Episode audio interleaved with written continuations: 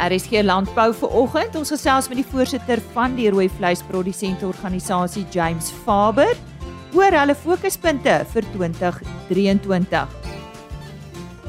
Pieter Kloetie van Pine Grove Merino Stoet by Dordrecht gesels oor hulle produksieveiling en loone opgawes moet reeds die einde van hierdie maand Januarie ingedien word. Steven Petersen van Work Accident Support verduidelik watter implikasies daar is indien die opgawe nie betyds ingedien word nie.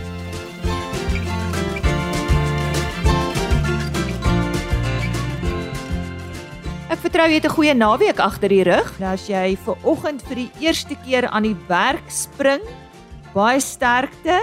Ek weet dit is maar moeilik na so 'n rustige tyd om weer te begin werk en vir die wat nog swoeg en sweet so deur Desember.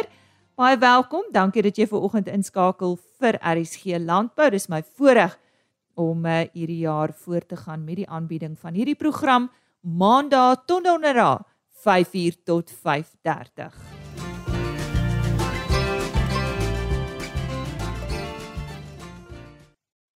Ons sluit nou by Isak Hofmeyer aan. Hy is die redakteur van die Stokfarm tydskrif. Dag sê hier van Stokfarm se kant af. Ja, die jaar is weer in volle swang met al sy uitdagings. Hier is so 'n kort lusmakertjie van wat alles in die Januarie uitgawe van Stokfarm te lees is. Ons voorbladstories gaan oor dorper seleksie, die gebruik van hommeltuie in veeboerdery en die impak van oorgrensmisdaad op boere wat op die Lesotho grens boer. Dan is daar inligting oor lamvoeding, bosverdigting, hooimaak, wolkwaliteit, biosekuriteit en ook brommer en bosluisbeheer. Met die vinnig veranderende landbouomgewing is dit noodsaaklik dat boere die vermoë moet hê om ook vinnig te kan aanpas. Dit moet egter nie verwar word met die lukrake navolging van elke nuwe tendens wat gepredik word nie. 'n Goeie voorbeeld hiervan is hoe 'n groep dorperteelers oor baie dekades getrou probeer bly het aan die kerneienskappe van die dorperskap en hoe hierdie boere nou na 40 jaar die vrugte pluk van hulle geduldige seleksie. Lees die uitstekende artikel deur Koos de Pisani ons man daar in die droë weste van die land. Dan is daar 'n baie interessante artikel oor die gebruik van hommeltuie in die boerdery. Dis ongelooflik hoe tegnologie, as dit reg aangewend word, 'n positiewe impak op 'n boerdery kan hê. Hommeltuig tegnologie moet definitief in hierdie konteks genoem word. Van heininge nagaan tot veetel, siekdiere identifiseer, predatore en veediewe opspoor en afweer, ook in die nag, arbeidsbesparing, Dit kan alles met behulp van hommeltuie soveel meer effektief gedoen word. Baie interessante artikel wat u nie moet mis nie. Boere op die Lesotho grens stry al vir baie jare 'n stryd teen misdadigers uit Lesotho uit, maar dis asof dit die afgelope paar jaar verskerp het. Asof hierdie misdaad meer intens geword het en daar word vermoed dat meer en meer goed georganiseerde syndikaate by hierdie misdaad betrokke is. 'n Groep joernaliste is laat verlede jaar na die Lesotho grens by Zastron geneem om die probleme beter te probeer verstaan. En dit maak 'n mens skoon moedeloos. Lees gerus oor die uitdagings wat hierdie boere in die gesig staar. In baie dele van die land is bosindringing en veral bosverdigting 'n reuse probleem. Nou professor Nico Smit, pas afgetrede professor aan die Universiteit van die Vrystaat, het in sy navorsingsloopbaan van 36 jaar baie kennis en ondervinding van bosverdigting opgedoen. En sê hy, as daar een ding is wat hy geleer het, is dit om nie slapende honde wakker te maak nie. As jy bosverdigting probeer beheer deur grootskaalse verstoring, veroorsaak jy 'n kettingreaksie wat verdigting net vererger tot op 'n punt waar dit glad nie meer beheer kan word nie. 'n Konservatiewe, stadige benadering is baie meer suksesvol sê hy. Hy gee riglyne vir suksesvolle bosbeheer in 'n artikel wat gebaseer is op sy praatjie as gasspreker by die jaarkongres verlede jaar van die Weidingsvereniging van Suid-Afrika. As hy dis sommer 'n paar van die artikels in die Januarie uitgawe van Stokfarm wat ek uitgelig het. Daar's nog baie meer noodsaaklike leesstof, so maak baie seker dat jy nie hierdie uitgawe mis nie. Groetnis tot volgende maand. En so sê die redakteur van die Stokfarm tydskrif Isak Hofmeyer. Ja, ons eerste veiling wat ons oorgesels op RSC Landbou hierdie jaar is die Pine Grove Merino stoete produksieveiling. Dit vind plaas op 24 Januarie in die Dordrecht omgewing en ek gesels met Pieter Kloetie. Nou ek dink meeste van ons Oos-Kaapenaars sal hom natuurlik uh, ken. Hy's ook uh, nou betrokke by Agri Oos-Kaap. Uh Pieter, vertel ons eers van uh, Dordrecht. Hoe lyk dit daar by julle op die uh, op die oomblik? Goeiemôre. Goeiemôre Lise. Nee, ons wêreld is baie baie mooi. In die 40 jaar wat ek boer, ek kan nie onthou dat hy ooit so gelyk het hierdie tyd van die jaar nie. Ons het genoeg reën gekry op die regte tyd. Ek wil amper sê nooit te veel reën nie, maar hy is besonder mooi. Die boer wat nou klaar moet uh iewers te gaan aftree want hy weet nie wat is mooi nie. maar dit is nie so in die res van die Oos-Kaap nie. Daar is maar dele wat nog uh redelik ja. droog is. Ja. O, ongelukkig is daar kol daar naby Willemore, State Level op pad PE toe wat wat nog erg eh, baie baie droog is, maar vir die res van die provinsie is dit bitter bitter mooi. Die Kroos selfs daar vir daai klein kol is hy baie baie mooi. Hmm. Pine Grove, dit is nou julle plaas neem ek aan, jy al lank in daai omgewing? Ja, Lise, ons is al ek is al derde geslag en uh ons is nog 4 jaar af van ons 100 jaar op die plaas. So ek het hier groot geword, dis al wêreld wat ek ken. En uh yes, Dordrecht is 'n baie baie goeie veegebied. Hy's bitterkoud in die winter, hy's gesond. Maar dit is hard. Jy weet, as dier ons koop ons plaas terug deur die koöperasie elke paar jaar deur lek en diesel en goed. Maar soos hulle sê, elke streek het maar sy probleme en uh ek dink ons het baie meer goeie punte as slegte punte in hierdie wêreld goed om te weet. Daai veiling op 24 Januarie, dit is daar op die plaas, is ek reg? Ja, yes, dit is hier op die plaas, dis ons uh jaarlikse produksieveiling. Ons gaan so 95 ramme opsit en so 150 oeye. Uh gewoonlik sit ons so 5 600 oeye op, maar ons het nog 'n stukkie grond bygekry, so ons gaan ons eie oeye boer vir nog 'n jaar of twee. En ons sien uit, hopelik sal ons 'n paar mense hê wat uh ons sal kom ondersteun die 24ste. Is daar dalk iets wat jy spesifiek oor hierdie diere wil uitlig, Pieter? Lise, nee, wat jy weet, ek dink die mense wat in die bedryf is, weet wat aangaan. Ehm um, elke streek het maar sy tipe skaap wat goed aangepas is in daai wêreld en uh, ons boer met nou nonsens skaap, uh, nommer 1 is reproduksie. Die oeye moet lam elke jaar, as hy nie lam nie, maak die saak ook mooier sê word sy geëet. En uh ja, dis net uh, practical animals. Dis al wat ek vir jou kan sê. Wie bied vir julle hierdie veiling aan? Uh BKB doen hom vir ons. En ek sien Brendan Leer, is hy die afslaer? Ja, Brendan is ons afslaer en ek dink hy is seker een van die beste in die land en uh, ons sien uit om hom weer op die plaas te hê. Uh hy doen elke jaar vir ons 'n uh, baie baie goeie veiling en uh Yes, ons sien net en hopelik sal ons 'n paar mense hier by ons hê. Dalk moet jy ook 'n bier kom drink die dag. Bietjie ver vir my om te ry, maar uh, ek glo julle sal genoeg mense hê wat dit bywoon.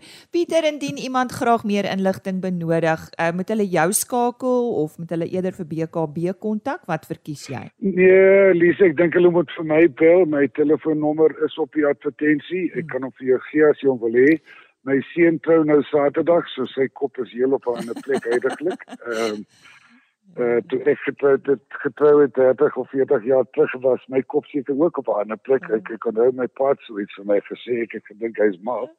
En ek dink my my seun dink ek is mal. Ja, sy boer hy saam met jou op die plaas. Ja, hy boer al 8 jaar saam met my en dit is baie lekker. Jy weet ek meen alrede kom jy eintlik boer is maar op die einde van die dag vir die volgende volgende geslag. Jy weet ons is maar net die custodians van die grond in ons lewenstyd. Absolutely. Pieter, gee vir ons daai selfoonnommer asseblief. Dis 082 779 3893. So sê Pieter Kloetie, hy is van Pine Grove Merino Stoet. Hulle het hulle jaarlikse produksieveiling op 24 Januarie en ek sien dit begin 12:00 Pieter. Yes, die veiling beveiling begin 12:00. Die ramme sal van 9:00 die oggend uitgestel wees. Goed. En ons het redelik mense wat die vorige middag kom kyk en wat hier oorslaap en dit is nogal lekker. Jy weet dit gee ons bietjie tyd om met die kliënte te praat want die dag van die veiling is maar gaus. Uh het julle ook 'n aanlyn opsie? Nee, nee, ons doen nie daai opsie Nou nie. Goed. Kom ons herhaal net weer al die besonderhede. Dit is die Pine Grove Merino stoet produksieveiling 24 Januarie begin om 12uur by die plaas Pine Grove in die Dordrecht omgewing in die Oos-Kaap. Pieter Kloetie, kom ek herhaal net sy selfoonnommer 082 779 3893. As jy nou eers ingeskakel het, goeiemôre. Jy luister na RSG Landbou. Baie welkom. Nou ja, dis 'n nuwe jaar en uh, elke jaar het maar sy uitdagings, uh, veral as dit kom by die werknemer en die werkgewer. Nou op 15 November verlede jaar het die vergoedingskommissaris van die Vergoedingsfonds 'n kennisgewing onderteken waarin besighede wat ook produsente insluit gemaan word om hul 2021 loneopgawe voor 31 Januarie 2023 in te handig en dis sommer een van die dae. Ek gesels met Steven Petersen, hy is van Work Accident Support. Steven, môre, lekker om weer met jou te gesels so in die nuwe jaar. Wat sal nou die gevolg wees as produsente nie hul lone opgawe voor 31 Januarie vanjaar inhandig nie? Goeiedag. Ja, gewoonlik is produsente veronderstel om hulle jaarlikse loonopgawe teen maart elke jaar in te handig en dan sal 'n rekening uitgereik word wat dan binne 30 dae betaalbaar is. Die is uh, wat nou ongeluk die produsente wat nou ongelukkig nie hulle loonopgawe inhandig nie, sal dan nou beboet word. 'n uh, 'n boete van 10% sal uitgereik word.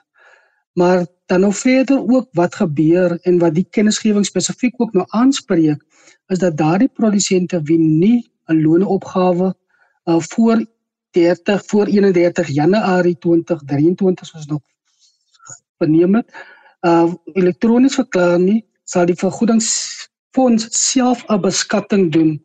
In in terme van die wet op vergoeding vir beroepsbeserings en siektes uh het hulle die nodige magte om dit wel te doen. Steven, ek wil nou net seker maak, jy sê voor 31 Januarie en so hulle kan dit nie ook op 31 Januarie indien nie. Wat dit is maar soos wat ons belasting betaal, né? Ja, kyk, 'n mens kan nou wag tot hy toe maar gewoonlik uh, as daar gewoonlik 'n sperdatum is op enige elektroniese stelsel, hmm. dan is daar soveel verkeer op daai stelsel op, op daardie spesifieke dag en dan het mense maar geneig dan sukkel hulle maar redelik om toegang te kry hmm. tot daai stelsel op op daardie spesifieke dag. So mense sal graag wil voorstel so gou as wat hulle dit kan doen, moet hulle dit graag doen. Hmm.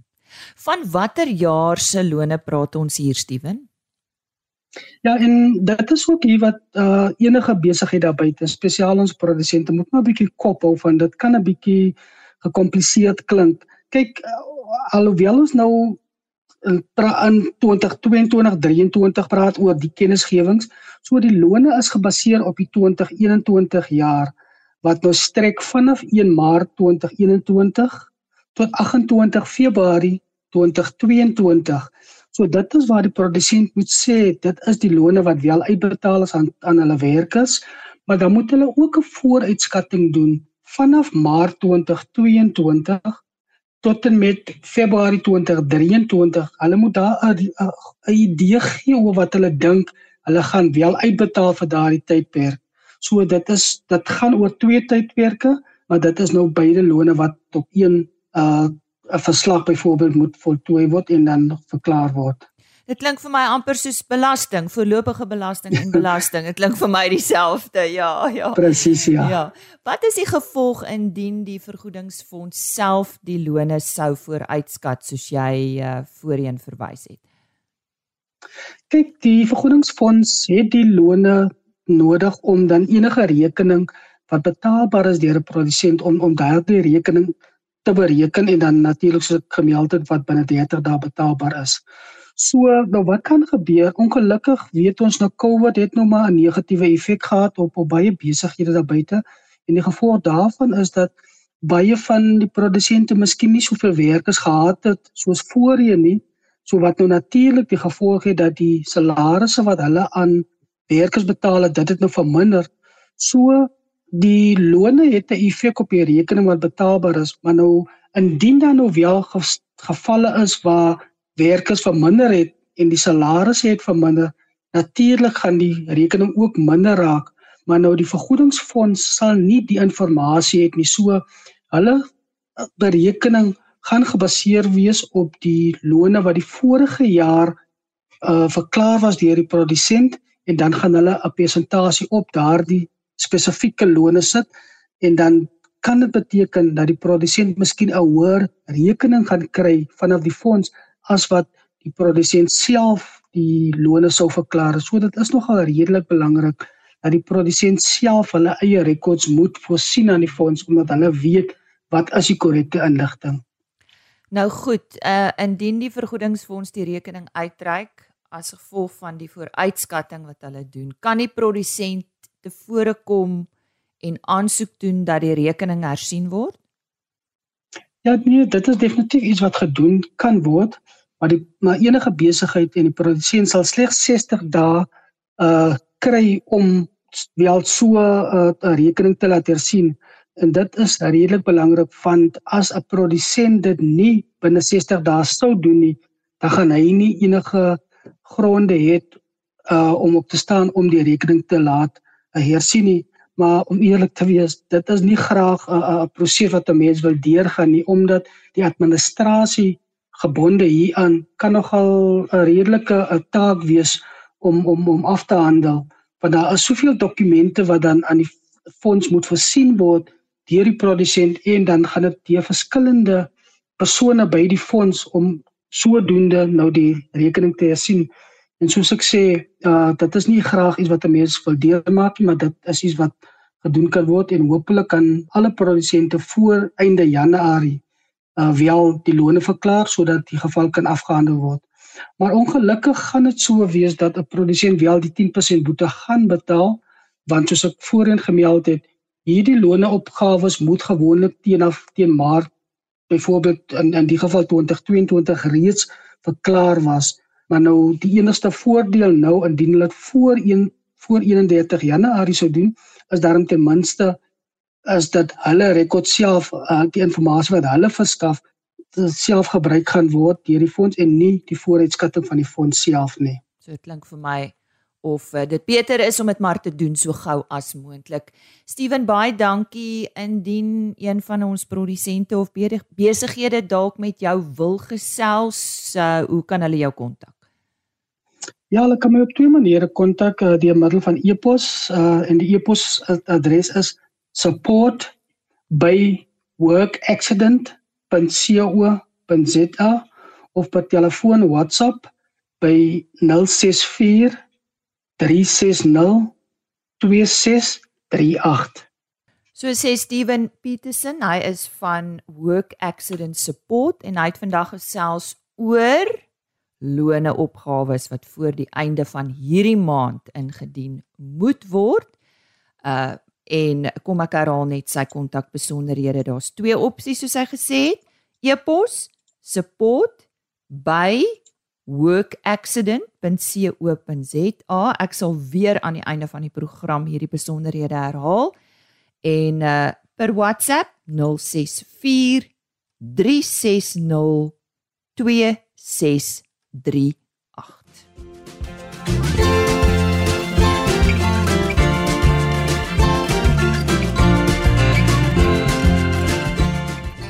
Na 'n uitdagende 2022 vir ons rooi vleisprodusente, ek dink nie ek het nodig om te verduidelik waaroor dit gaan nie.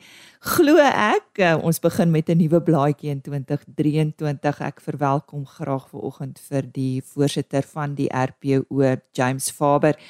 James, ja, um, as ons maar net vinnig oor 2022 kan gesels, dit was vir julle 'n uitdagende jaar. Goeiemôre.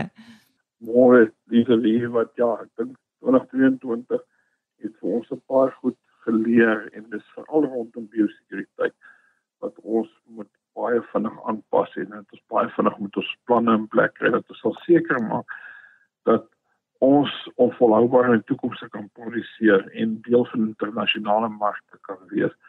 Sal ons moet ons stelsels aanpas en nuwe planne daarstel. Ek dink spesifiek hier in back and close hier en verskeie van die ander siektes ook wat dalk nie altyd so baie gepraat word oor nie, maar back and close het vir ons gewys dat China hulle mark oornag kan toemaak vir ons. Nee, jy weet, en dit is een van die grootste plekke waar ons uitvoer. Daar's ook ander geleenthede in ander markte wat ons so glad nie kan benut as gevolg van back and close hier in ons biosekuriteitsmaatreëls wat nie op plek is nie. James, ja, kom ons praat so 'n bietjie oor 2023. Jy het nou aan 'n paar goed geraak wat vir julle belangrik is en uh, veral as dit kom by marktoegang. Het julle spesifieke fokuspunte vir 2023?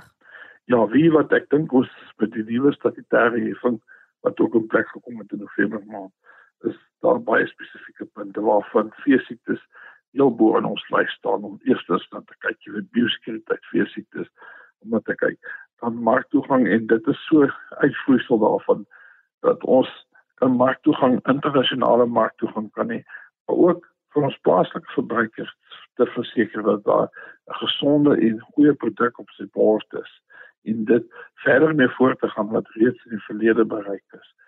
Transformasie binne ons plaaslike mark om meer kalfs te kan produseer uh meer vleis te produseer ons moet absoluut net ons die geleentheid in die land om dit te kan doen ook. James, kan ons 'n oomblik stil staan by veegesondheid, vee siektes, die kwessies rondom OBP en die enstowwe wat nie altyd beskikbaar is nie. Nee, dis op hierdie stadium gee die ons het Desember maand al 'n verklaring gehad van die enstowwe wat beskikbaar is. Uh ja, dit is nog glad nie op standaard nie ek moet sê daar begin vir die private maatskappye wat van 1 Januarie af toestemming het om van die instel ook te vervaardig wat vir ons baie groot positief is. Want ons glo dat vrye markstelsel hoe groter private maatskappye kan deel word hiervan, hoe vinniger sal ons die probleme rondom instel kan oplos. Indien ons nie die vrye mark kan toelaat nie, kan ek nie sien dat staatsbeheerde organisasies alleen die mas sal opkom wat instel aanbetref nie om terug te kom by marktoegang. Is daar is al die markte nou vir ons oop? Is daar nog uh markte wat gesluit is? Diese ek is nou nie elke dag so op datum met dit nie, maar definitief die China mark is nog nie oop vir ons nie en daar is ander markte ook, jy weet vir jou Europese en Amerikaanse markte wat nog nie oop is nie. En dit gaan maar regtig daaroor oor ons biosekuriteit wat nog nie heeltemal in plek is nie ons voldoen nie aan aan al die OEI standaarde nie. So dit is ons 'n baie groot uitdaging vir die toekoms en veral vir die jaar. Ek dink ons gaan 'n baie groot fokus daarop hmm. plaas ook. James, ek dink as daar een onderwerp is waaroor ek baie gesels het op RSG Landbou is dit biosekuriteit. Onderstreep net weer vir ons waar begin biosekuriteit en wat verwag julle van die rooi vleisprodusente organisasie maar ook van die staat af om boere by te staan. Die biosekuriteit begin met elke een van ons. Daar is nie iemand van ons wat uit die water uit kan staan en sê nee, biosekuriteit is nie deel van my besigheid nie. So dit begin by die boer voor sy plaas ek moet hy seker maak dat hy 'n gesonde kudde het en dat hy absoluut kyk na sy eie kudde. Daarvan af waar hy in die markplekke gaan daar waar hy gaan koop. Daar bestaan iets soos gou gou gaan ek 'n goedkoop beeste koop of 'n bargain loop koop as ek nou die Engels kan gebruik. Maar dit dit bestaan nie. Jy weet jy moet in die mark gaan en besef ek gaan soek vir 'n dier wat aan alle biosekuriteitsmaatreëls voldoen. Dat ek seker is dat my diere gesond is en dat ek daai beste van my vermoë dit dan ook binne in die markplek sal beskikbaar stel. Dan wil ek graag hê jy moet afsluit met 'n boodskap aan die rooi vleisprodusent in Suid-Afrika, julle lede. Ja, wie wat is baie voorreg om met ons lede te kan praat en hulle sê kom ons maak 2023 die beste nog ooit want ek dink ons het soveel geleenthede. Ons het ongelooflike toestande daar buite. Sommige dele in die land is so bietjie droër, is ander ander is baie nat en baie natter as normaalweg maar die geleentheid is daar. Gaan uit, maak seker dat jy deel is van die stelsel en deel van 'n oplossing is daar buite. En dan kan ons net nuwe hoogtes in die land bereik en 'n produk op die tafel vir ons verbruikers sit wat regtig bekostigbaar is en van die hoogste gehalte ooit is. Ek het al gesels met James Faber. Hy is voorsitter van die rooi vleisprodusente organisasie, maar hy's ook 'n boer. En dis dan vandag se RSG landbou. Maak gerus môreoggend weer so kuier gerus weer saam met ons om 5uur. Een van die onderwerpe van bespreking is aartappelkrake. Dit veroorsaak jaarliks duisende rande in verliese en ek gesels met uh, Enrique Verster. Nou RSG Landbou is op rsg.co.za as potgooi beskikbaar. Kyk net bo aan die bladsy onder potgooi en dan sal jy sien die verskeie programme word daar gelys. Die Agri Orbit webtuiste is 'n ander alternatief. Op daardie webtuiste word elke onderhoud afsonderlik gelaai. So wat jy doen is gaan na www.agriorbit.com. Onthou daardie .com. Kyk bo aan die bladsy onder podcast RSG landbou en dan die dag se datum. Klik net daarop en jy sal sien die onderhoude word daar afsonderlik gelys. En dan sluit ek af met 'n e-posadres. rsglandbou@plaasmedia.co.za. Sterkte vir jou dag. Ons gesels weer môre. Totsiens. RSG Landbou is 'n plaas media produksie met regisseur en aanbieder Lize Roberts en tegniese ondersteuning deur Jolande Rooi.